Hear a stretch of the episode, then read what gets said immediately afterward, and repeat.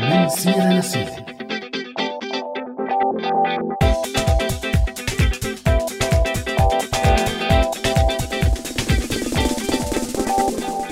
مستمعينا مستمعي راديو سوريالي أهلا وسهلا فيكم بحلقة جديدة وموضوع جديد من برنامج من سيرة لسيرة. منرحب بكل يلي عم يسمعوا هاي الحلقة من برنامجنا ويلي ما رح نطول لنفوت فيها بالموضوع خاصة إنه هاي الحلقة بتجي بعد فترة صغيرة من إعلان رئيس الولايات المتحدة الأمريكية دونالد ترامب قراره بالاعتراف بالجولان كجزء من إسرائيل. الحقيقة الحكي عن المواضيع القومية والوطنية صار في تكرار كتير وبتنعاد نفس المعلومات بكل البرامج والمقالات. تكرار تكرار تكرار بخلي المتابع يلاقي حاله عم يبعد مباشرة عن الموضوع والسبب هو استخدام النظام للجولان كان دائما كشماعة مثله مثل فلسطين. فكان النظام على قولة الشوام مأشكر باستخدامه للجولان حتى وصل الموضوع برامي مخلوف بابتزاز لإسرائيل بجملة فحواها أمن سوريا من أمن إسرائيل. فممكن يكون هذا الاعتراف رد على مجموعة من خطب النظام السياسي اتجاه إسرائيل. إنه يا حبيبي حاجة كل ما صارت قصة تهددنا وتقول أمن سوريا من أمن إسرائيل. على كل حال النظام لطالما استخدم القضايا الكبرى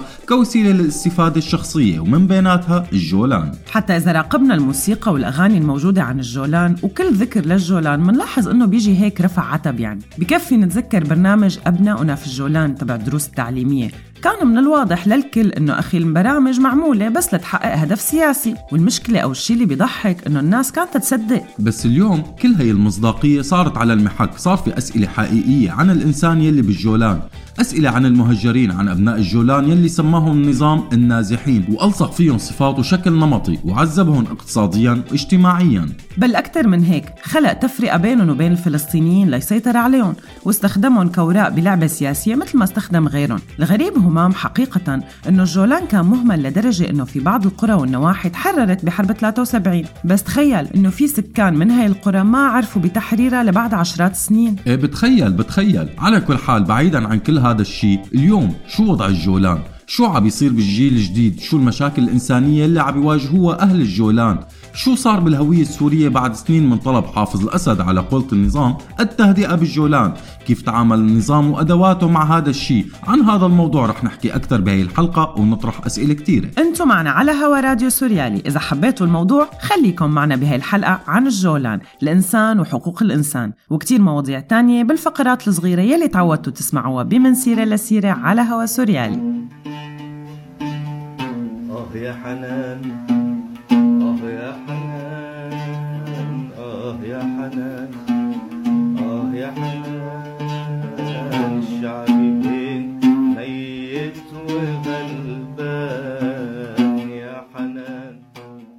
وسؤال حلقتنا لهالأسبوع مستمعينا هل تعتقد أن تحرر الجولان مرتبط بذهاب النظام أم ببقائه؟ وبتقدروا تجاوبوا على سؤالنا من خلال مواقعنا على مواقع التواصل الاجتماعي فيسبوك وتويتر أو من خلال رسالة صوتية أو مكتوبة على الرقم 00962 7798 512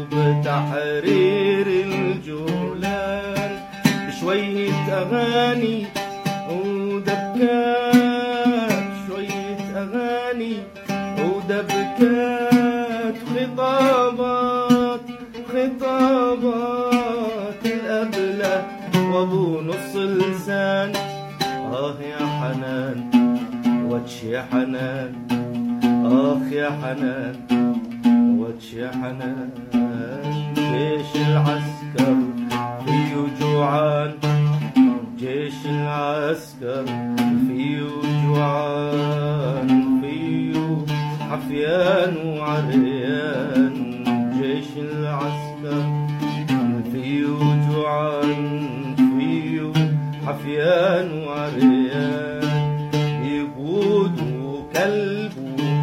الجبال يقودك الموجبان بدو يحرر الجولان. واتش يا حنان الطم يا حنان دز يا حنان اخ يا حنان.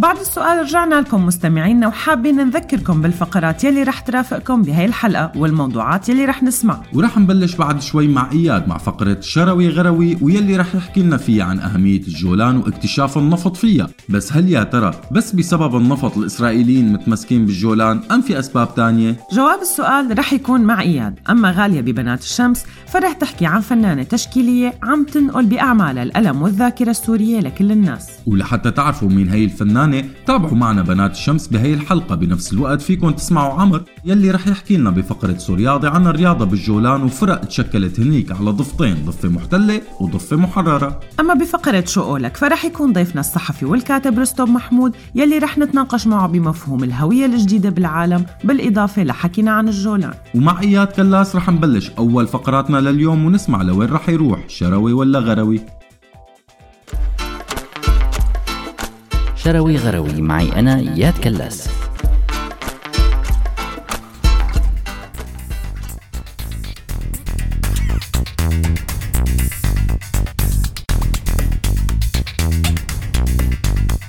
يا ترى ليش قرر ترامب يعترف أن جولان أرض إسرائيلية؟ هل السبب وراء الاعتراف بإسرائيل هو إنقاذ نتنياهو؟ أم السبب هو أنه يلاقي دونالد ترامب دعم أكبر من اليهود الداعمين لإسرائيل بأمريكا؟ أم السبب مخزون النفط الكبير المكتشف من جديد بالجولان؟ أم بسبب المخزون الأهم للمياه العذبة بالمنطقة؟ أو يمكن مجرد ألعاب سياسية؟ أو كشف إيران وكذبها بمواجهة إسرائيل؟ مرحبا من وقت ما طلع قرار ترامب بالاعتراف بالجولان كجزء من إسرائيل الأسبوع الماضي من آذار 2019 بلشت التكهنات والأسئلة وأنا رح أستعرض بشروي غروي شوي من هالأسئلة وبحبش وراها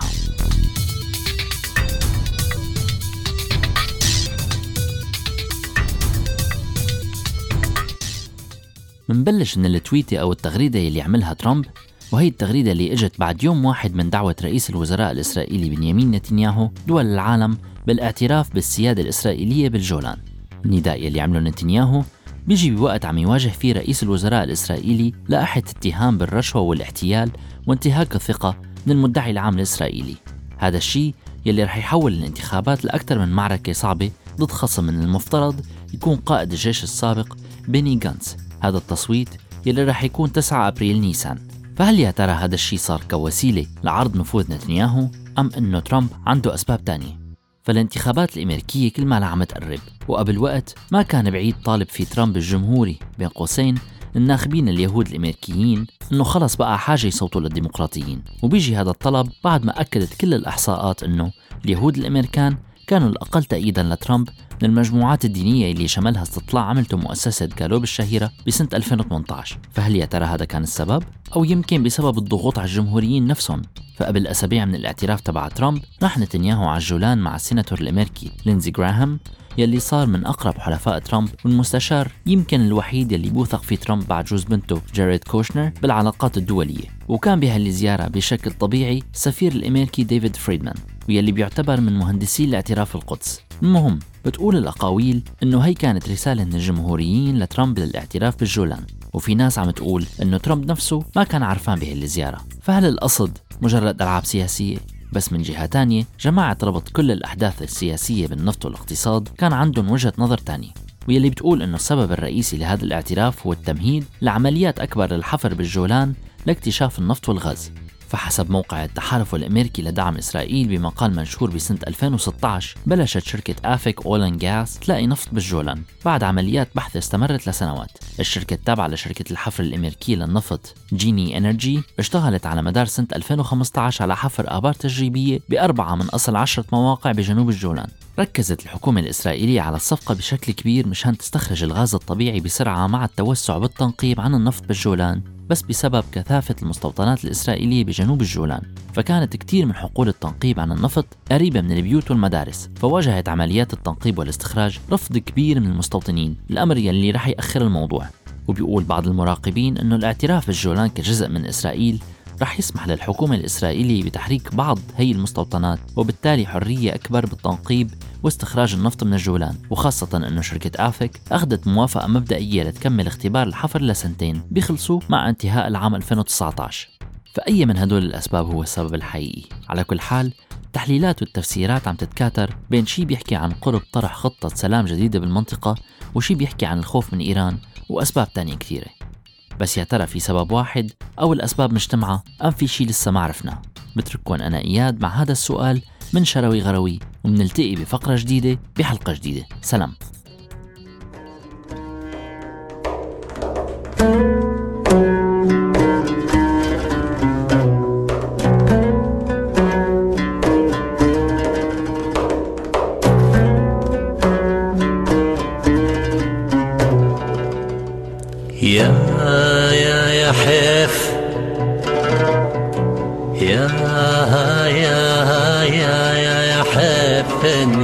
حيف يا حيف يا حيف أخ ويا حيف زخ رصاص على الناس العزل يا حيف وأطفال بعمر الورد تعتقلن كيف. زخ رصاص على الناس العزل يا حيف وأطفال بعمر الورد تعتقلن كيف. كيف كيف. وانت ابن بلادي تقتل بولادي وظهرك للعادي وعلي هاجم بالسيف. يا حافن يا حيف ظهرك للعادي وعلي هاجم بالسيف. يا حيفن يا حيف وهذا اللي صاير يا حيف وبدار عاوية يما ويا حيف هذا اللي صاير يا حيف وبدار عاوية يما ويا حيف سمعت هالشباب يما الحرية عالباب يما طلعوا يهتفوا له شافوا البواريد يمه قالوا إخوتنا هن ومش رح يضربونا. سمعت هالشباب يما الحرية عالباب يما طلعوا يهتفوا له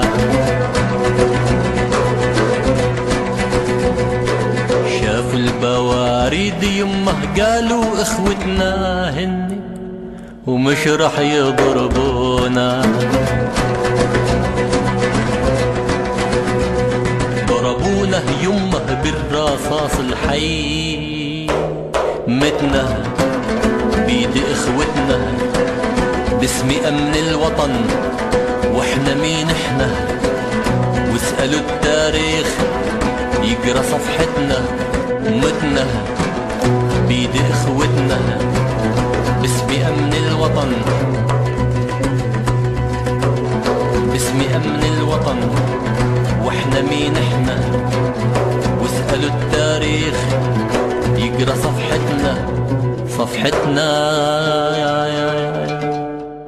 مش داري السجان يمه كلمة حرية هزت له أركانه. ومن هتفت لجموع يمه أصبح كالملسوع يمه يصلينا بنيرانه. وجوابا على سؤال حلقتنا لليوم الصديق عادل البكار شارك معنا وكتب. أعتقد أنه ما رح تتحرر لا بذهاب النظام ولا ببقائه. أما الصديق محمود عطية فقال والله أنا اللي بعرفه إنه اللي راح ما عاد يعود أبدا. من هتفت لجموع يمه أصبح كالملسوع يمه. يصلينا بنيرانه وإحنا اللي قلنا اللي بيقتل شعبه.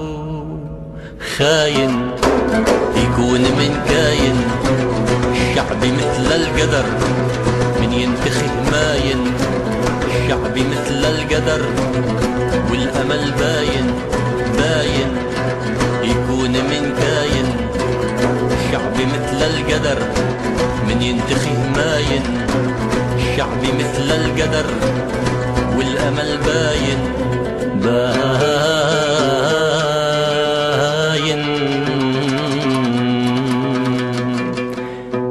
يا حيف أخو يا حيف زخ رصاص على الناس العزل يا حيف وأطفال بعمر الورد تعتقلن كيف زخ رصاص على الناس العزل يا حيف وأطفال بعمر الورد تعتقلن كيف كيف كيف.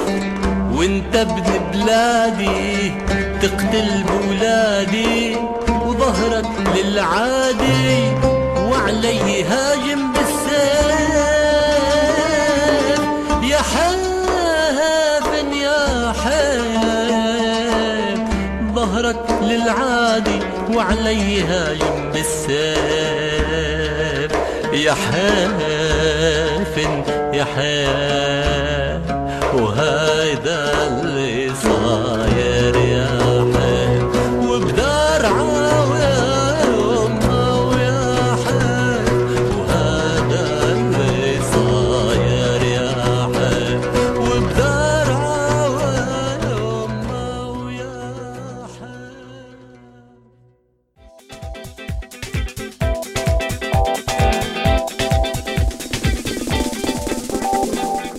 ورجعنا لكم مستمعينا على هوا راديو سوريالي وحلقتنا عن الجولان وشغلات ما انحكت بهذا الموضوع. الحقيقة إياد عطانا مدخل كتير مهم لنباشر الحلقة.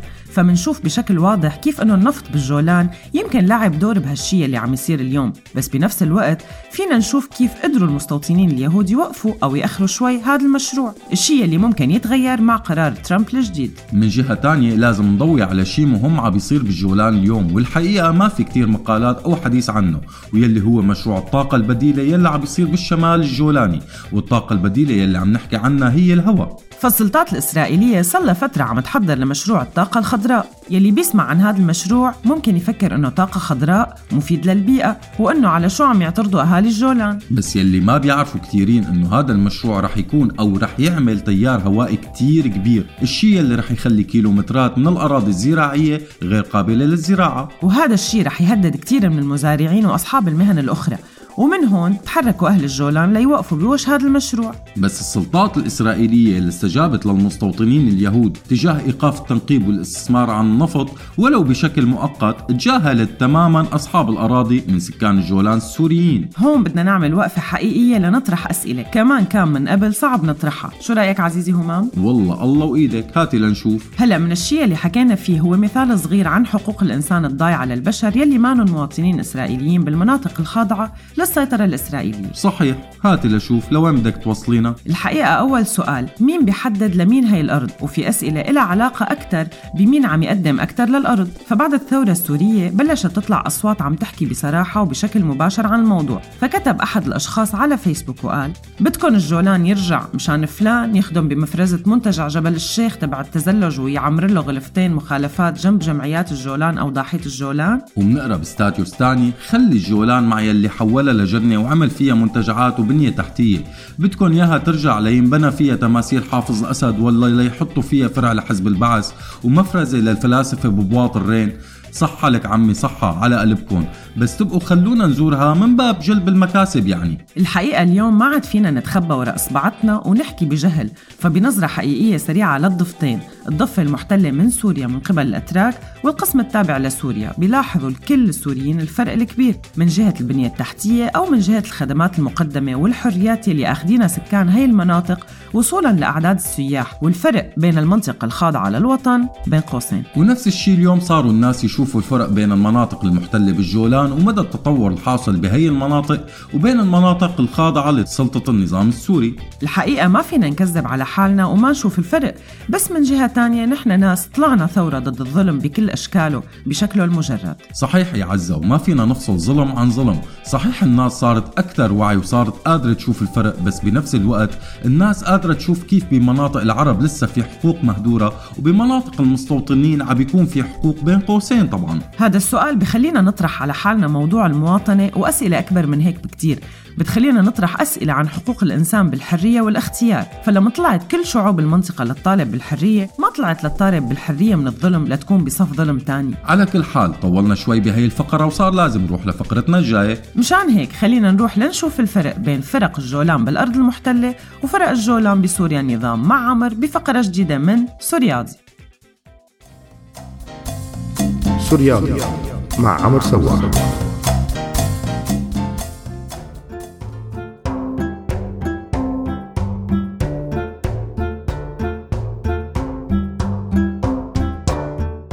مرحبا بفقرة جديدة من سورياضي اليوم رح نحكي شوي بسرعة عن الرياضة والفرق الرياضية بالجولان. وبالحقيقة كان التدوير والبحث عن الموضوع كتير صعب على الإنترنت.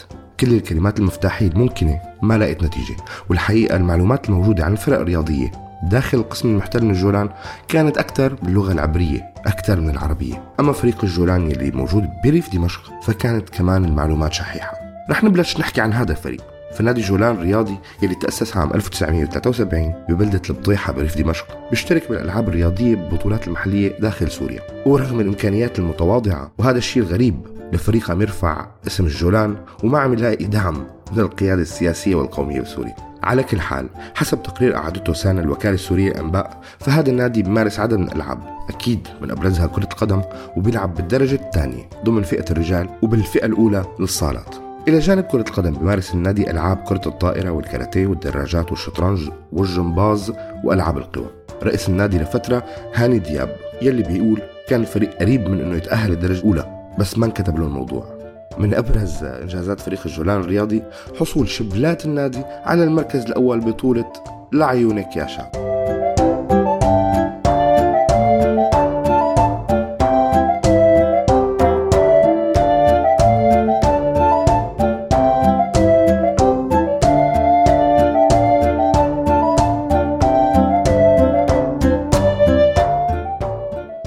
النادي الفقير يلي رغم إمكانية أنه يلعب دور سياسي بس مثل ما معروف عن القيادة السياسية بسوريا عدم رغبتها بمزج الرياضة مع السياسة في النادي ماشي بقدرة قادر ممتلكات النادي بس محل تجاري صغنطوط صغير جوات المقر تبعه مستثمر بيا بلاش. وملعب ترابي في فكرة بتعشيبه بيوم من الأيام.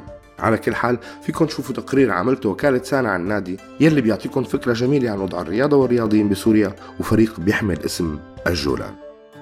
على كل حال مثل ما أسلفت أنه المعلومات شحيحة كتير بهذا الموضوع. أما من داخل القسم المحتل كانت الرياضة وضعها صعب. فالرياضة بالقسم المحتل من الجولان وبالأخص كرة القدم كانت محصورة بين القرى نفسها وما كان عندهم أي مشاركات خارجية. اللهم باستثناء مشاركات مع بعض الفرق الفلسطينية. وصل عدد هي الفرق لعشرة هي مجدل شمس الحرية الطليعة الاتحاد والنهضة مسعدة الوحدة والأهلي قرية بقعاثة الأمل والشباب وقاسيون وعين قينية تشرين.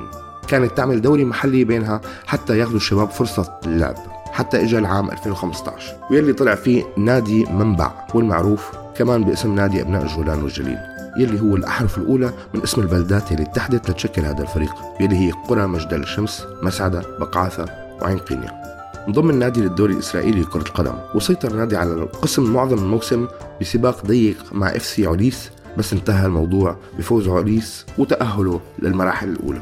الأداء اللافت للفريق بالدوري الإسرائيلي شد انتباه أهل الجولان بس شوي شوي خف الاهتمام. الجدير بالذكر إنه بوحدة من هاي المباريات اللي لعبها الفريق الجولاني اضطر الحكم يوقف اللعب بسبب نزول اب أحد اللاعبين مشان يهدد الحكم. كانت رحلة الفريق فيما بعد المواسم اللي بعده ما كتير قوية مثل البداية. هذا الشيء أثر على دوري البلدات والقرى اللي كان يصير بالجولان نفسها. بس بالعام 2018 رجع دوري القرى واللي عم يحاول يخلي الرياضة عايشة بالجولان. آه ملاحظة أخيرة في نادي اسمه الجولان بالعراق بمحافظة الرمادي. كان معكم عمر بسورياضي بشوفكم فقرة تانية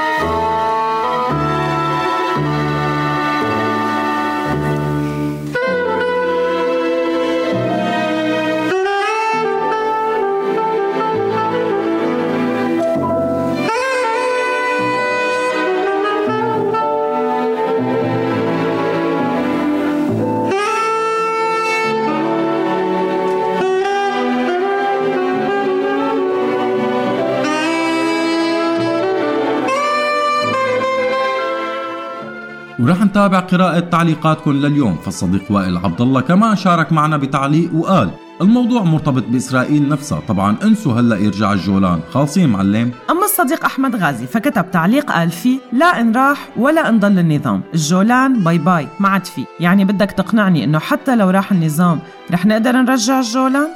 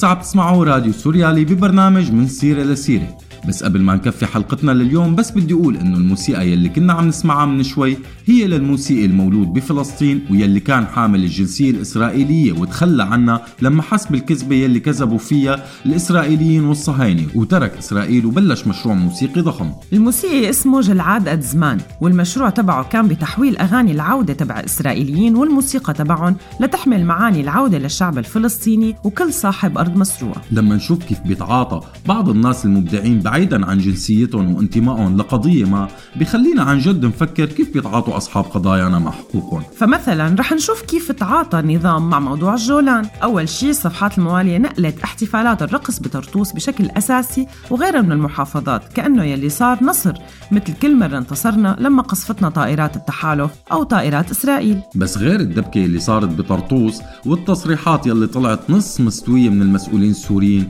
شو يلي صار وكيف تحضرت الجمهورية العربية السورية لتوقف بوجه هذا الاعتراف؟ في واحد جاب تراب من الجولان وحطه بصينية ورفع عليه العلم السوري شي بيشبه الجاتو المنزوع ورفرف العلم السوري على تراب محطوط بصينية وسموا هذا مقاومة ثقافية. وهذا الشيء اللي عمله دريد لحام مسخرة حقيقية لما تبرع بكاليفورنيا لولاية تانية والأبشع أنه إعلام النظام نقل هذا الشيء ولسه همان في عنتريات من نوع لا يمكن استعادة الجولان إلا بالقوة إذا تبين أنه ما في مهرب من الدبلوماسية. لك مين هذا اللي عم يقول هذا الحكي يا عزة؟ مين مين دقيقة دقيقة لا تقولي لي بشار الجعفري قال هذا الحكي. هو بذاته. لك تخيل إنه بعد نص قرن من الاحتلال ممكن يطلع شخص ويحكي هذا الحكي. لك المشكلة مو بهذا الحكي. المصيبة إنه إذا فعلا بشار الجعفري حكى هذا الحكي واستعرض عضلاته تخيل إنه كان في طلعات إسرائيلية على الأراضي السورية مثلا ورجعت ضربت مواقع إيرانية. لك ما بيستحوا على حالهم. لك تصاوب محيط مطار النيرة بالعسكري قريب من حلب يعني بعيد مئات كيلومترات عن الجولان وبشار الجعفري لسه عم يبيض علينا. المشكلة إنه لسه في همام مين بيصدق هذا الخطاب. لك وقت كان لسه في حالة من التصديق لخطاب النظام وما كان في مئات الألوف بل الملايين من المهجرين. النظام ما حرك ساكن. هلا شو ممكن يصير؟ بس دقيقة دقيقة. لسه في أشياء يعني في أشياء مخباية. فممكن تتخيلي إنه النائب بمجلس الشعب خالد العبود قال إنه الدولة السورية بأكثر زاوية من الزوايا رح تفاجئ بالرد. وبيقول النائب السوري بمجلس الشعب إنه هي الأذرع يلي رح ترد على القرار الأمريكي. بجوز نشوفها وبجوز ما نشوفها. أيوه. شلون يعني رح نشوفها أو ما نشوفها؟ ما فهمت. أها. بيوضح العبود وبيقول بجوز يحصل شيء بس مين يلي رح يشوفه ويحس فيه هو الطرف الثاني أكيد. بس بضل أحسن من الشيخ مأمون رحمة يلي طالب بتوحيد الجيوش الإيرانية والعراقية والسورية لتحرير الجولان هاد كله طبعا إذا نسينا المشهد الحزين للمذيعة بإحدى القنوات السورية اللي راحت على الحدود لتحكي مع شخص وحيد على الضفة يلي تحت الاحتلال وتناديه وتقول له يا رفيق حسن! لك كلمة رفيق بتخلي 99% من السوريين يشعروا بالقهر والحزن. على كل حال ما علينا. لا لا بس أقوى حركة عملها النظام همام لمقاومة هذا الشيء كان تغيير صورته على صفحة الفيسبوك. هذا أكثر شيء قدر يعمله نظام الممانعة. الحقيقة مستمعينا إعلان ترامب كشف بشكل كتير حقيقي عن مدى الكذب يلي استمر لسنين علينا كلنا. فطريق القدس تبع حسن نصر الله وقائد فيلق القدس يلي مرق بالقصير والزبداني وحلب بعد الاعتراف الأمريكي بالجولان ما قدر يعمل شيء بالجولان هلأ أكيد نحن بنعرف قدرة هي الجيوش بأي مواجهة مباشرة وعدم قدرتها وبنعرف الأذى يلي ممكن يصيب اهلنا بسوريا في حال انفتحت مواجهة حقيقية بالمنطقة. بس يلي بدنا إياه إنه يوقف النظام وروسيا وإيران وكل هدول الدول يكذبوا علينا ويسرقونا ويسرقوا حريتنا باسم قضايا باعوها هن من زمان. يعني ممكن نمرق كل الكذبات يلي كذبوها علينا بالسنين الماضية بس إنه أخي ما عاد تكذبوا علينا أكثر الحمد لله في ناس لسه بتدافع عن قضايانا أكثر مننا وبتلاقي طرق جديدة لتعبر عننا. يمكن نحن صعب نعبر همامو بس لا يا عزة في ناس مننا قادرة تنقل الوجع وتحكي حكاياتنا وهذا الشيء اللي رح تحكي لنا عنه غالية ببنات شمس بعد شوي فخليكم معنا. بنات الشمس معي أنا غالية.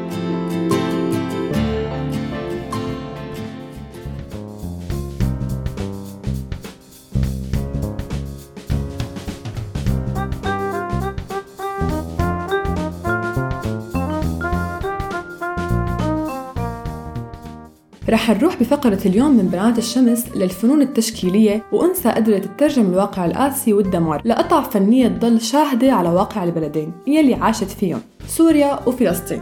رح نحكي عن الفنانة التشكيلية والنحاتة رندا مداح. مداح يلي ضلت لفترة طويلة بأحد اللقاءات بتعتبر حالها فلسطينية لأنه تواصلها لسنين طويلة كان مع العمق الفلسطيني ويلي تشاركت معهم وجع الاحتلال الإسرائيلي للجولان وفلسطين.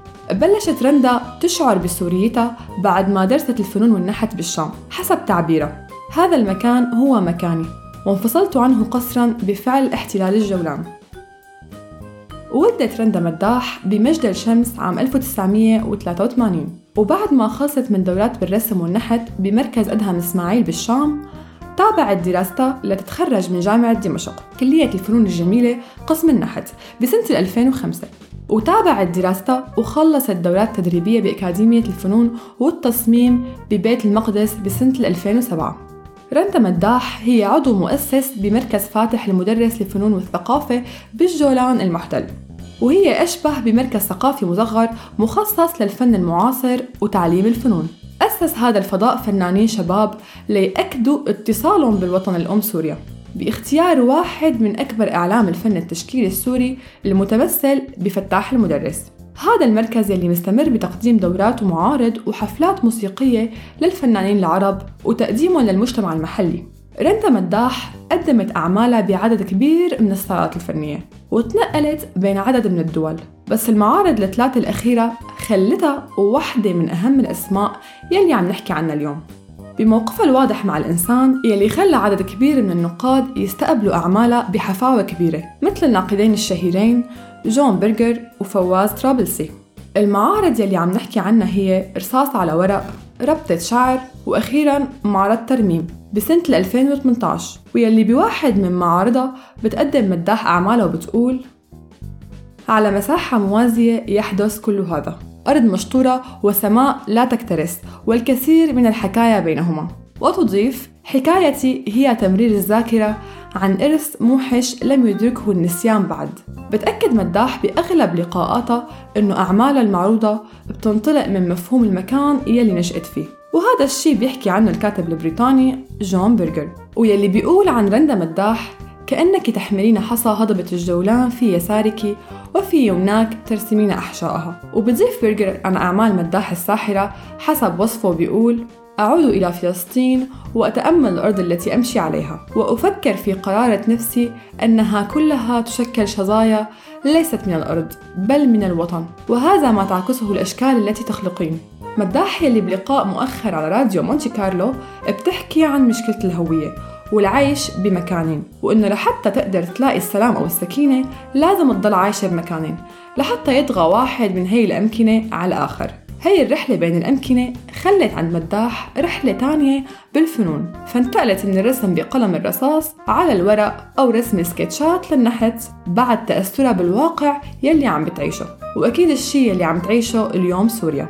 رندا مداح من بنات الشمس. وأنا كنت معكم غالية انتظروني بفقرة جديدة. سلام.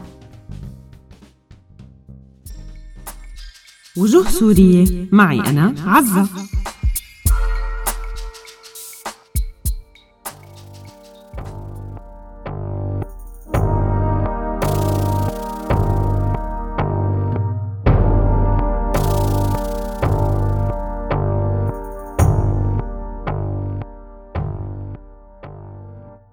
سلطان الأطرش والمعروف باسم سلطان باشا الأطرش المولود ب 5 آذار 1891 ويلي رحل ب 26 آذار من سنة 1982 قائد وطني ومجاهد ثوري سوري بكل معنى الكلمة. كان القائد العام للثورة السورية الكبرى بسنة 1925 ضد الانتداب الفرنسي وهو أحد أشهر الشخصيات الدرزية بالعصر الحديث. من مدينة القرية الشهيرة بالسويدة بسوريا ابن لعائلة الأطرش الشهيرة. أبوه كان مؤسس المشيخة الطرشانية 1869 وكمان كان مجاهد وزعيم سياسي.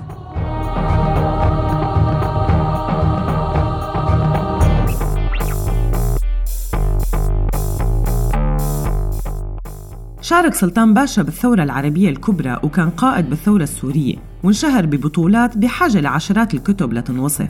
الأطرش يلي ما قبل أي منصب سياسي ضل يشكل خوف لكل السياسيين والعسكر يلي حكموا سوريا. سلطان باشا الأطرش يلي رفض الرئيس حافظ الأسد يزور السويدة لحتى عرف بموته بسبب الخوف من الرجل الحقيقي. وبعد ما مات الأطرش ضل يشكل مصدر خوف للنظام. الحقيقة اليوم منفتقد لقائد وإنسان مثل سلطان باشا الأطرش. وجوه سورية معي أنا عزة.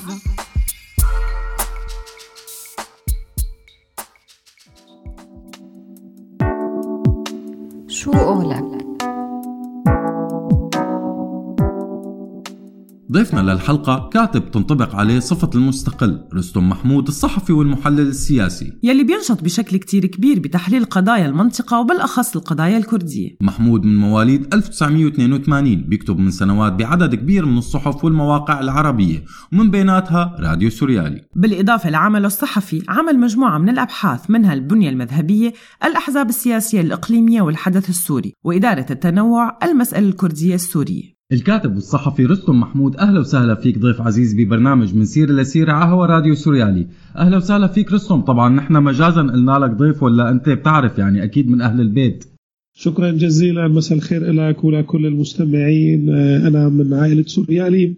وكل السوريين وكل المتابعين أكيد خلال العمر الطويل وإن شاء الله يمتد كمان لسوريالي صاروا عائلة واحدة وبيستأنسوا وبيستفيدوا وبيحسوا حالهم بهي التغريدة السورية تغريب السورية بيحسوا حالهم أولاد عائلة واحدة وبيعيشوا مع بعض القضايا والقصص اللي بتهمهم اجمعين شكرا كثير على هالشهاده شكرا شكرا. آه، بداية رستم كان لك رأي على صفحتك بالفيسبوك حول رسم خرائط المنطقة وأبعادها الجغرافية والاقتصادية وحرمان الأكراد ضمن الشكل العبثي برسم هي الحدود من وجود كيان جغرافي انطلاقا من هذا الرأي آه، كيف شايف رسم الخرائط للمنطقة للمرحلة القادمة؟ حقيقة يعني الموضوع اللي أنا كتبته من حوالي سنتين كان بناء على أنه الوجود أو تعزز الوجود العسكري الكردي أو تطور القوى العسكرية الكردية دفعت بكثير من الناس الأكراد لأنه يقولوا إنه هذا الشيء رح ينعكس إلى تغيير الخرائط اللي وضعت بالحرب العالمية الأولى. وكان في تراجيدية كبيرة إنه القوميات الرئيسية الثلاثة العرب والأتراك والفرس منحوا دول وريثة للإمبراطورية العثمانية والأكراد حرموا منها.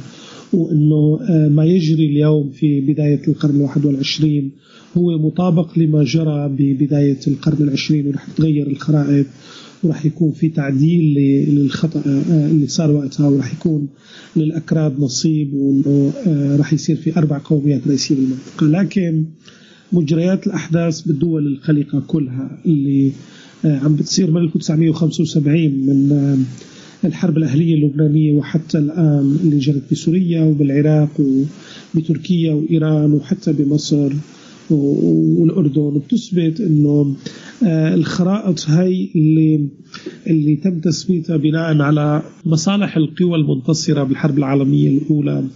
وإن كانت بلحظتها التأسيسية تحمل نوع من العبث تحمل نوع من ال ال يعني يعني الصناعاتية البالغة. يعني ما في شيء بيجمع تاريخيا وموضوعيا البصرة بمدينة مثل السليمانية آه، بالعراق. يعني البصرة ثقافيا واقتصاديا واجتماعيا وروحيا. أقرب للكويت مثلا. والسليمانية أقرب للمناطق الكردية بكردستان إيران أو كردستان العراق. هذا المفهوم بينطبق على باقي الدول كلها. انه المحدد الرئيسي كان مصالح المنتصرين، لكن أثبتت التجربة إنه 100 عام من العيش في الدولة الحديثة ومن إنتاج الهويات المحلية ومن شدة التوازنات اللي صارت بناء على هاي الدول. أثبتت إنه هاي الخرائط آه، لها قوتها الجذرية وإنه هاي الخرائط كتير كتير صعب إنه يلعب فيها لأنه بيهدم الشيء الواحد الوحيد اللي بيحافظ على نوع من ضبط الحياة العامة في منطقة كتير قلقة مثل الشرق الأوسط. إذا بتنفلت فيها الحدود وبيطلع لنا أشباح وأغوال مثل داعش ومثل التنظيمات الأخرى العابرة للحدود. أو بنرجع لتنظيمات أخرى عابرة للحدود اللي هي مثل البعث ومثل التيارات الإيديولوجية حتى اليسارية اللي الرومانسية اللي كانت تتبنى العنف لذلك أعتقد أن تجربة الربيع العربي بمنطقتنا خصوصا بسوريا والعراق من 2011 وحتى الآن أثبتت أولا أنه كل التجارب السابقة العابرة للحدود واللي تريد تساوي وشائج من العلاقات مع مع مع شعوب سرية وشعوب متخيلة هي الشعوب العربية والكردية والفارسية والإسلامية آه، والسورية القومية. هي خيالات إيديولوجية أكثر مما هي وقائع. أثبتت أنه ابن الشام بالأخير ما له بالمعنى السياسي وبمعنى مصلحته التاريخية وبمعنى حتى يظبط وضعه.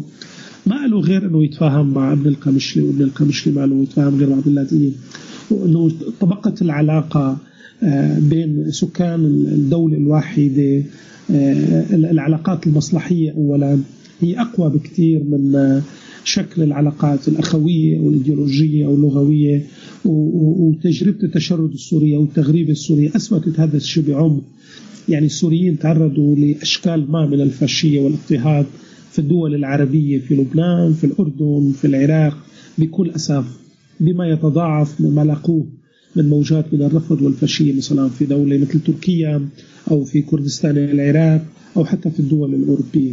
لأجل كل ذلك أعتقد أن الخرائط هاي أولا أثبتت أنه هي قوة مرجعية كبيرة.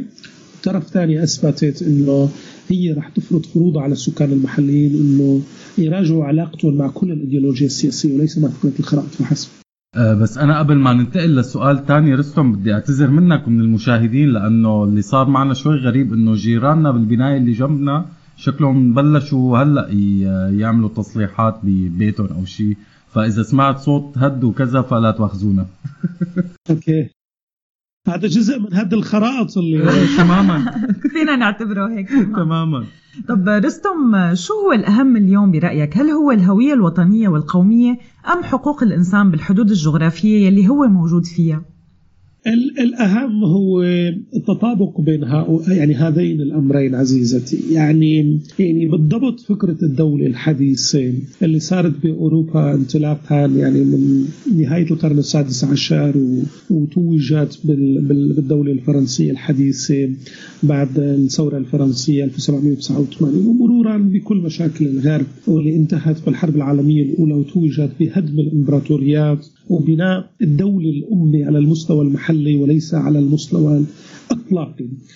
الفكرة الأساسية وراء هذا الشيء أنه مجموعة المصالح الاقتصادية والسياسية والتمثيلية والثقافية لأمة المواطنين آه، بدولة ما تطابقت تماما أنه هو يعني هاي المصالح وهي العلاقات هي الحد الوحيد اللي فيها توفر نوع ما من منظومة حقوق الإنسان في كافة المجالات وليس في مجال العلاقة مع الدولة أو العلاقة مع العنف أو العلاقة مع السلطة فحسب.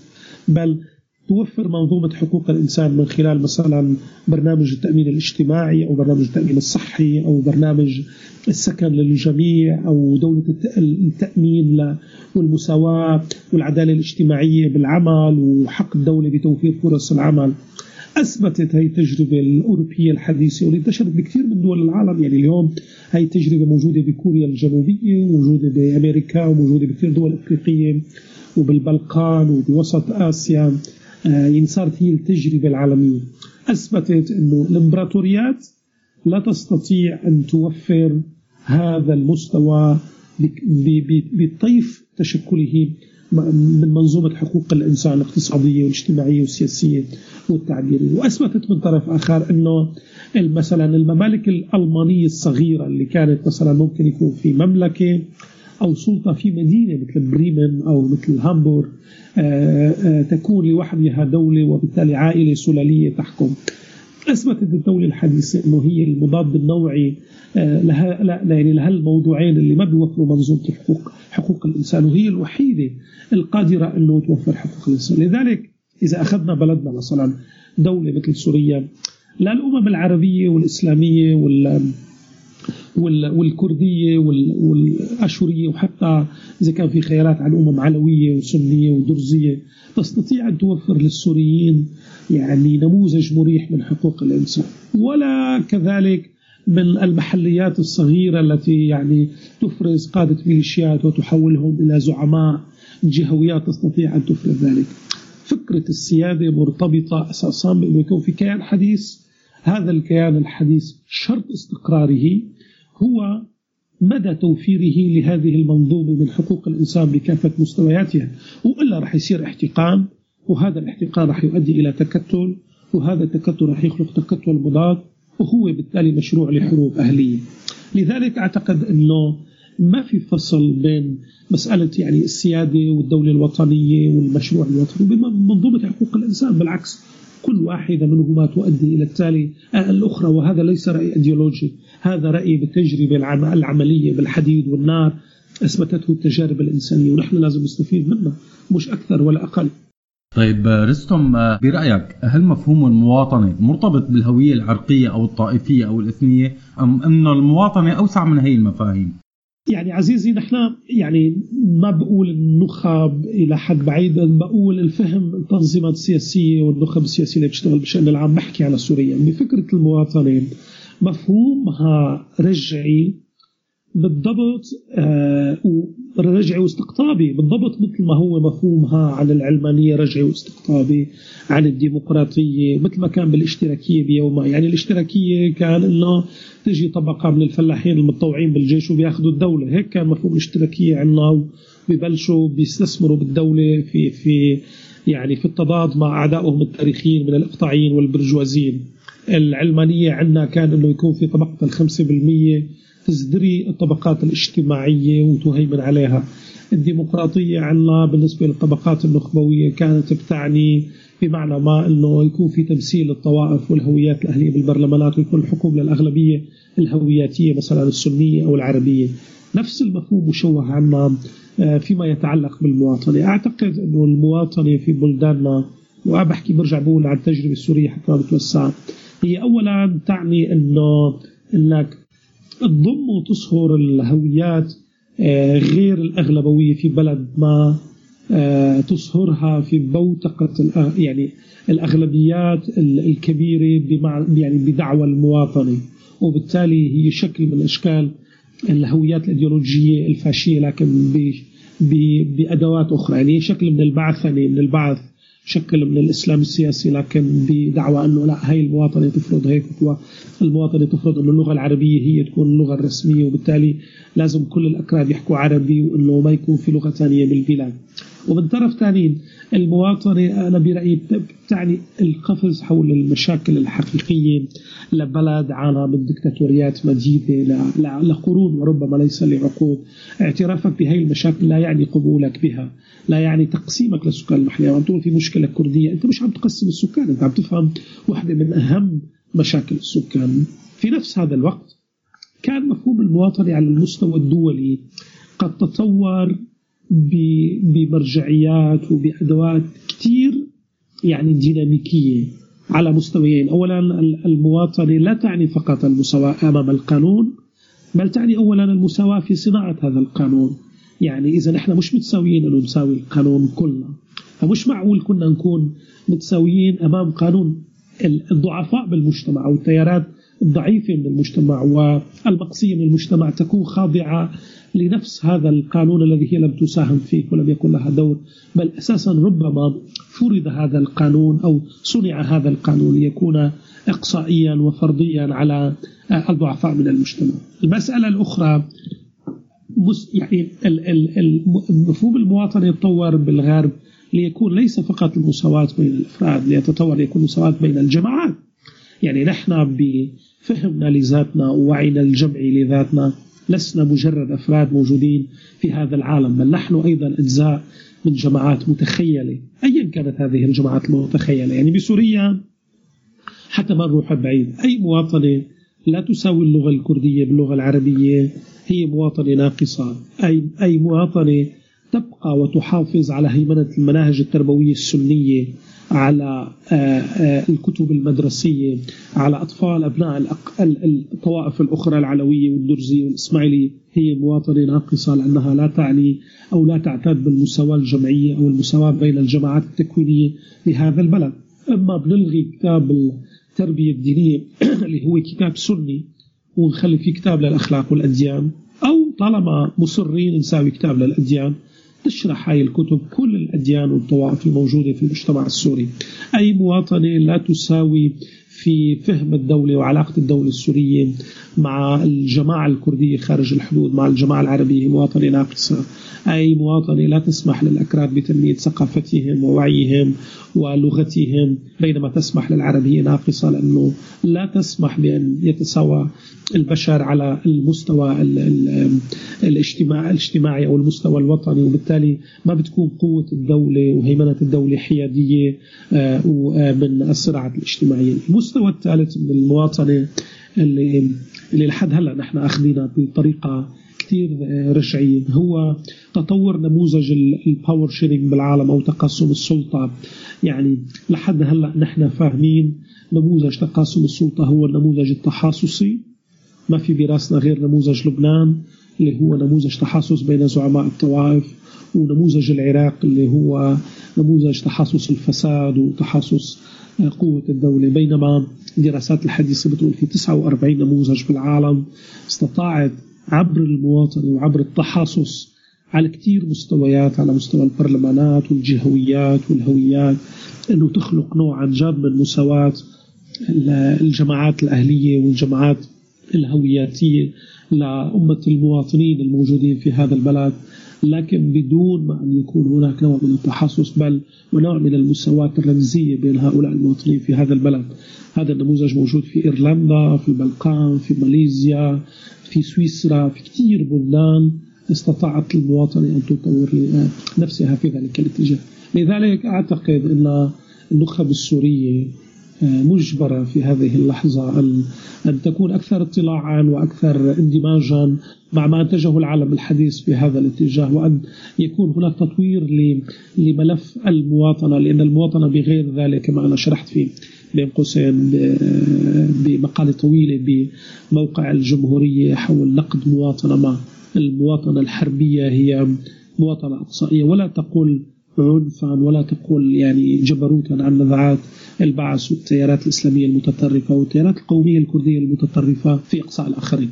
لما بنروح شوي على الجولان ليش اليوم برأيك آه، التركيز على جغرافيا الجولان أكثر من الإنسان يلي عايش نفسه بالجولان؟ وبرأيك كمان قديش بيعرف المواطن العربي عموما والسوري خصوصا عن التنوع البشري بالجولان وشكل حياته؟ هلا ليش تركيز على الجولان؟ لأنه هذا النظام السياسي اللي عم بيحكم سوريا هو نظام فاقد لكل الاشكال الشرعية. اللي اللي, اللي بي يعني بيتوهم انه يعني نظام سياسي عم يقصف مواطنيه بجميع أنواع الأسلحة بيساوي تهجير جماعي بيجيب جيوش العالم لتحتل بلده وبيقدم لك كل التبريرات ومستعد يعني يتنازل عن المصالح الوطنية. وتنازل عن المصالح الوطنية وأعلى مصلحة وطنية هي جغرافيا البلاد اتفاقية مثل أضنا مع تركيا. هذا النظام السياسي يبحث عن أي وشيجه ما يخلقها مع أوهامه الإيديولوجية. ومسألة مثل مسألة الجولان هي مسألة كثير يعني يعني يعني بين قوسين. سعرها رخيص بالنسبة للنظام مجموعة خطابات وبرامج تلفزيونية وتسعير ومحاولة للقول أنه ما زال موجودا وأن هناك قضية ما هذا النظام يدافع عنها. طبعا هي قضية فاشلة لأن التجربة التاريخية من عام 1973 وحتى الآن أثبتت أن شكل علاقة هذا النظام السياسي مع المنظومة الدولية وبالذات الولايات المتحدة الأمريكية وتوافقهم مع المصالح الإسرائيلية وفهمهم للمصالح الإسرائيلية على أقل تقدير وفهم هو أكبر من أي صراخ وأكبر من أي أوهام آه، بالنسبة بالنسبة للناس. هلأ الناس السوريين صراحة يا زميلتي عزة ما بيعرفوا ما بيعرفوا شيء عن الجولان. صحيح لأنه بالضبط مثل ما أهل حمص ما بيعرفوا شيء عن أهل القامشلي ومثل ما أهل قمش عن أهل الشام كذلك بالنسبة لكل المناطق. لأنه في نظام سياسي ما يعتقد أنه أنه أكبر خوف عليه على استقراره على على إقصائه هو قدرة آه، الجماعة المواطنية السورية على التآلف فيما بينها وخلق نوع من الوشائج الداخلية وبالتالي القدرة على آه، القدرة عند التنظيمات السياسية والتنظيمات الثقافية والمجتمع المدني والمواطنين وطلاب الجامعات قدرتهم على التعبئة لمواجهة مشاكلهم وبالتالي أن يكون هناك قوة تعبوية ما في هذا البلد غير قوة النظام وقبضته وجبروته. إقصاء الجولان وتحويله إلى كائن غولي غريب فقط هو يملك اسم ما اسمه الجولان. هذا جزء يعني من غريزة النظام السياسي الاستبدادي بأن يكون كل شيء مفرغ يعني من مضمونه لكنه يبقى كخطاب يستطيع أن يعني تحت وطأته أن يهدد به الآخرين ويعتقلهم لعشرات سنوات. النظام السياسي السوري هو النظام العربي الأكثر توغلا في الصراع مع آه، منظمة التحرير الفلسطينية وكل قوى التحرر الفلسطينية سواء في سوريا أو في الأردن أو في لبنان من 76 وطالع. في الوقت اللي يعني كان هو أكثر نظام ينادي ويستمد ويستميد في تحويل فلسطين إلى قضيته في الوقت اللي كان بيكون في بمجازر بتل الزعتر وبغيرها من المواقع.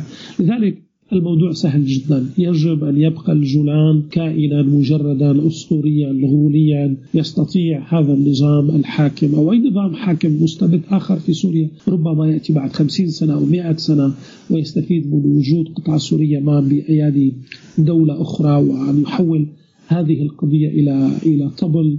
أن أن يدق هذا الطبل كل ما احتاجه لانتزاع الشرعية ولتثبيت أركانه خصوصا على البسطاء من المواطنين. في الوقت الذي لا يعتد بهذه القضية ولا يريد للمواطنين حتى أن يعتدوا بهذه القضية. يعني يعني آه، كانت كانت المسيرات التي تسير نحو الجولان في بعض الأحيان خارج سلطة النظام تقمع وتتعرض للضرب ويعرض هؤلاء الناس للاعتقال لأن هذه القضية لم يكن مسموحا لها تخرج خارج استخدام النظام لها وإدارته لها كملف وظيفي في تثبيت أركانه دون أي عمق ودون أي معرفة ودون أي وشائج من أمة المواطنين السوريين تحت واحدة من قضاياهم التي كانت يعني على على المدى التاريخي واحدة من أهم القضايا التي أجمع عليها السوريين وربما من القضايا الوحيدة التي أجمع عليها السوريين وهي عودة الجولان إلى سوريا يعني باعتبارها جزء آه، من من الدولة السورية أو من الكيان السوري الحديث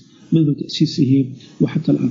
آه طيب آه رستم رح نضل بالجولان. آه بس بدي أسألك برأيك هل كان رفض الرئيس السابق للنظام السوري حافظ الأسد لما يسمى بوديعة رابين؟ آه، هو يلي مهد لقرار ترامب بالاعتراف بالجولان كجزء من إسرائيل أم إن الاتفاق كان من المستحيل إنه يصير أساسا؟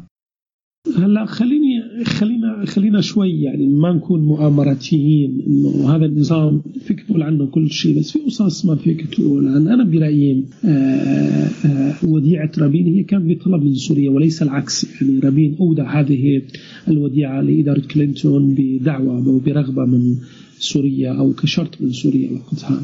أنا بعتقد إنه حافظ الأسد في سنوات عمره الأخيرة يعني بعد 96 97 كان بيعتبر إنه مسألة الجولان بالنسبة له أو مسألة السلام مع إسرائيل بالنسبة له هي رابحة في كل الأحوال. يعني يعني حتى آخر اجتماع عقده مع بيل كلينتون في جنيف كان متأكد إنه إذا وقع السلام فانه سوف يستعيد الجولان أو الحد الأعظم من الجولان. وبذلك سوف تعمل الماكينة التعبوية بالنسبة لنظامه. بالشكل أو بأعلى طاقتها لتحوله إلى بطل تاريخي صمد وانتزع الجولان في الأخير وبالتالي تهيئة القاعدة أو الظرف التاريخي لأن يستلم آه، ابنه وراثة الحكم في هذا البلد عنه. بنفس الوقت كان يعتقد أنه فيما لو يعني لم يوقع على على يعني على مشروع السلام مع إسرائيل فإن نفس الماكينة سوف تستخدم نفس الأدوات وتحوله إلى الرجل الذي مات واقفا ولم يستسلم ولم يقبل حتى بالتنازل عن بضعة أمتار وكان واضح أنه بخطاب القسم لبشار الأسد كان التركيز على أنه أنه والده لم يوقع حتى على بعض الأمتار القليلة وهي كانت ربما الأداة الأكثر حيوية اللي كان يعتقد أنه بيملكها لشرعنة وراثته لأبيه أنه بده يتبع هذه المسيرة.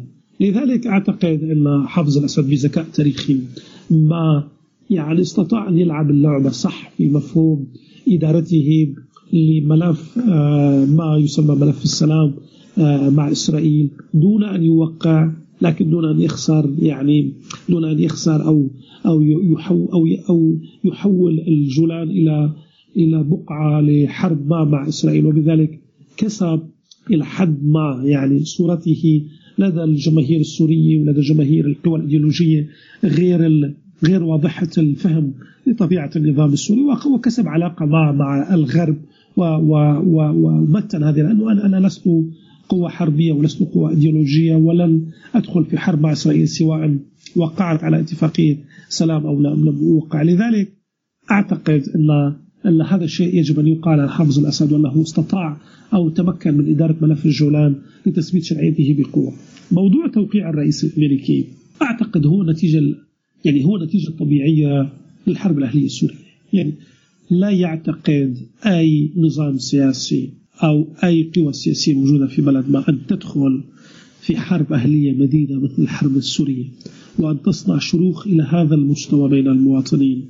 وأن تكون هناك ضحايا تدمير مدن وتدمير حواضر وتدمير بنى وأن يخرج هذا البلد أو هذا الكيان. يخرج بدون يعني جروح واضحة على جسده في في التاريخ كله. ما فيش ولا مثال آه، آه، يشبه ذلك. يعني كل الكيانات اللي دخلت حروب أهلية لم تخرج كيانات تتشابه مع الكيانات التي كانت عليه.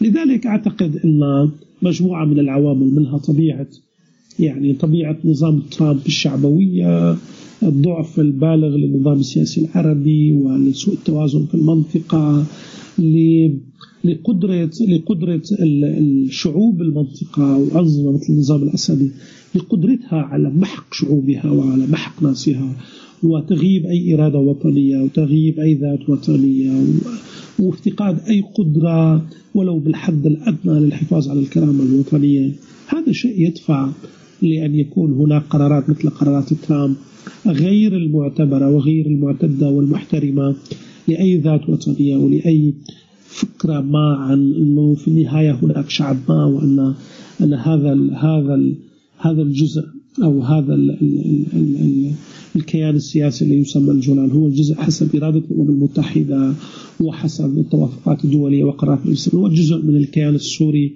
واحتلته إسرائيل عام 67 وأن الإدارة الأمريكية كواحدة من القوى الكبرى واحدة من الدول المؤسسة لمجلس الأمن وللأمم المتحدة. يجب أن تحافظ على الحد الحد الأدنى من موقفها ومن اتساقها مع نفسها أعتقد القرار ضم الجولان أو الاعتراف الأمريكي بسيادة إسرائيل على الجولان هو نتيجة لهذه العوامل في الحرب الأهلية السورية المديدة وتحطيم أي ذات سورية نتيجة لطبيعة النظام الدولي الحديث المتكون الذي هو ليس نظاما دوليا هو نوع من فقدان الدفع يعني هو حتى أنهى موضوع القطب الواحد الذي كانت عليه أمريكا منذ عام 1992 بعد سقوط الاتحاد السوفيتي وهو تعبير عن صعود الشعبوية في الغرب في نماذج مثل ترامب الذي يحارب ويدافع عن بحلوانيات مثل قرار نقل السفارة إلى القدس أو قرار ضم الجولان إلى الكيان الإسرائيلي أو, أو, أو مثل ذلك. هو نتيجة لمجموعة من العوامل أكثر مما هو نتيجة طبيعية لعدم توقيع أو عدم انخراط حافظ الأسد في آه، منظومة السلام آه، بمفاوضاته مع مع الطرف الإسرائيلي اوقات رئيس بيل كلينتون. جايين لعند ترامب وصلنا عند ترامب عم يكتر الحديث آه، مؤخرا عن شيء يسمى بالخط العريض اتفاقية القرن، فهل برأيك رستم إنه اعتراف ترامب الأخير بصب ضمن هي الاتفاقية؟ يعني يعني ترامب يحاول ك كشخص ما لا يرى قوى مقابلة أن يفعل أكثر مما يستطيع أن يفعله من وعود انتخابية ويكتشف أنه لا يستطيع أن يفعل الوعود الانتخابية الكبيرة التي قطعها سواء في الداخل الأمريكي أو على مستوى العلاقات الدولية مع أمريكا ومع روسيا ومع الدول الأوروبية خصوصا على المستوى الاقتصادي وعلى مستوى فرض نوع من الأمركة على المؤسسات الأمريكية و تغيير ما كان ما كان يسمى يعني بقانون أوباما الصحي الملفات الكبرى في الداخل الأمريكي. لذلك أعتقد أنه يذهب في اكبر قدر ممكن إلى آه، ألعاب بهلوانية يعني رخيصة الثمن مثل تحويل السفارة وصفقة القرن ومنح الجولان. أعتقد أن صفقة القرن بمعنى ما لن تمر حتى لو تم توقيعها. لأنه بالنهاية صفقة القرن الحقيقية هي حرب 5 حزيران عام 67 هي صفقة القرن. هناك كيان ما محتل لأرض.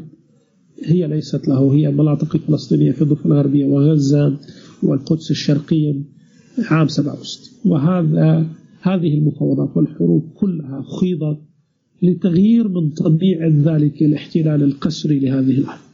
لنعتقد أنه اليوم هناك كيان ما هناك جهة ما تسمى السلطة الفلسطينية أو الدول العربية وقعت على صفقة القرن وتنازلت عن ملف اللاجئين وتنازلت عن القدس الشرقية وعن السيادة الفلسطينية الحقيقية وصنعت دولة فلسطينية شكلية ما. لكن في النهاية تكون ما جرى عام 67 لم يتم تعديله. وبالتالي هناك شعوب وهناك مجتمعات سوف تدافع عن نفسها. وبالتالي سوف تستمر دورة العنف التي تسعى الولايات المتحدة الأمريكية والقوى الغربية عبر صفقة القرن أن تنهي هذا العنف الموجود في هذا الملف الإسرائيلي الفلسطيني. لذلك العالم الموضوعي يقول أن صفقة القرن لن تمر حتى لو وقعت بعدين اليوم إدارة إدارة ترامب صار لها مخلصة سنتين وثلاث أربع شهور من عمرها باقي سنة وسبعة ثمان شهور. أغلب التوجهات والقراءات بتقول أنه ترامب لن يفوز بالولاية الثانية. لمجموعة من العوامل تتعلق بفشل إدارته في الملفات الداخلية الاقتصادية. لذلك كل ما بقي عمليا للإدارة الأمريكية لتطبيق صفقة القرن هو تسعة أشهر فقط. إنه مع بداية العام المقبل سوف تدخل السياسة الأمريكية في مرحلة ما تسمى في أمريكا بالبطل عرجاء أي مرحلة الانتخابات على مستوى الولايات لاختيار المرشحين الجمهوريين والديمقراطيين والدخول بالحملة الانتخابية والانتهاء في الداخل الأمريكي وعدم التركيز على المحاور الخارجية في الشرق الأوسط وفي باقي المناطق. هذه التسعة أشهر حسب التوازنات الإقليمية وسوء الاستقرار بالذات في الجزائر وفي السودان ومن المتوقع أن يكون هناك نوع من القلاقل السياسية في مصر في الفترة المقبلة وإدارة ملف سوريا والعراق بعد مرحلة داعش لا أعتقد أن الوقت كافي لشخص قليل الخبرة وقليل الصلاحية مثل آه، كوشنر آه، آه، يعني صهر ترامب ومستشاره لأن يدير صفقة ما يعني كبرى وأكبر من هذا ال ال ال ال أكبر من هذه الإدارة الأمريكية ومن قدرتها ومن أدواتها. يعني تثبيت العلاقة بعد حرب ال 73 احتاج إلى جولات مكوكية من رجل ككيسنجر وبكامل الصلاحيات للشهود لتثبيت نقاط وقف الأقلام لذلك أعتقد أن صفقة القرن لا تملك أي حظ في أن تتحقق في المدى المنظور في هذه الإدارة الأمريكية. بالنهاية رستم يعطيك ألف عافية وشكرا كثير لك وشكرا لوقتك ويعطيك ألف عافية. شكرا كثير لك رستم. الله يخليك وأنتم سمعتوا حدا كردي بيتكلم بالعربية الفصحى واثنين عربي يسالوه بالعربيه العامية. تماما. هو هذا الشيء اللي, اللي عم نطمح له بصراحة. إن شاء الله. شكرا لكم. تحياتي كمان. أكيد. تحياتي لكم ولمستمعي سوريالي ولكل الأصدقاء. الله يخليك. شكرا كثير. لك.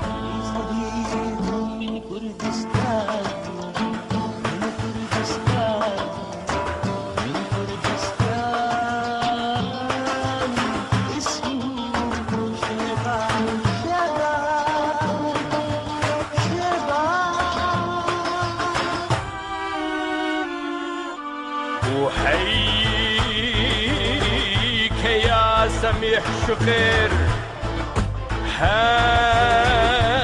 أنا الشبان صديقك من كردستان. أغني اليوم لشعب أغني اليوم لشعب تواق للحرية والسلام. سلام من صبا بردا أرقو سلام من صبا أرقو ودمع لا يكفكف يا دمشق. وللحرية الحمراء بابون. بكل يد مدرجة Hey!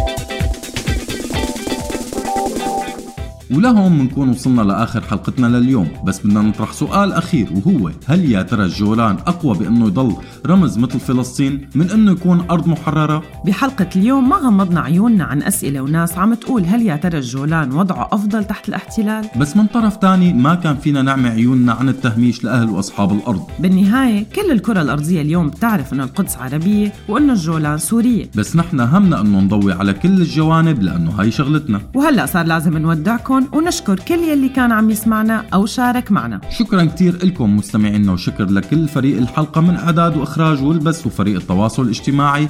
بنشوفكم بحلقة جديدة وموضوع جديد. سلام, سلام. من سيرة لسيرة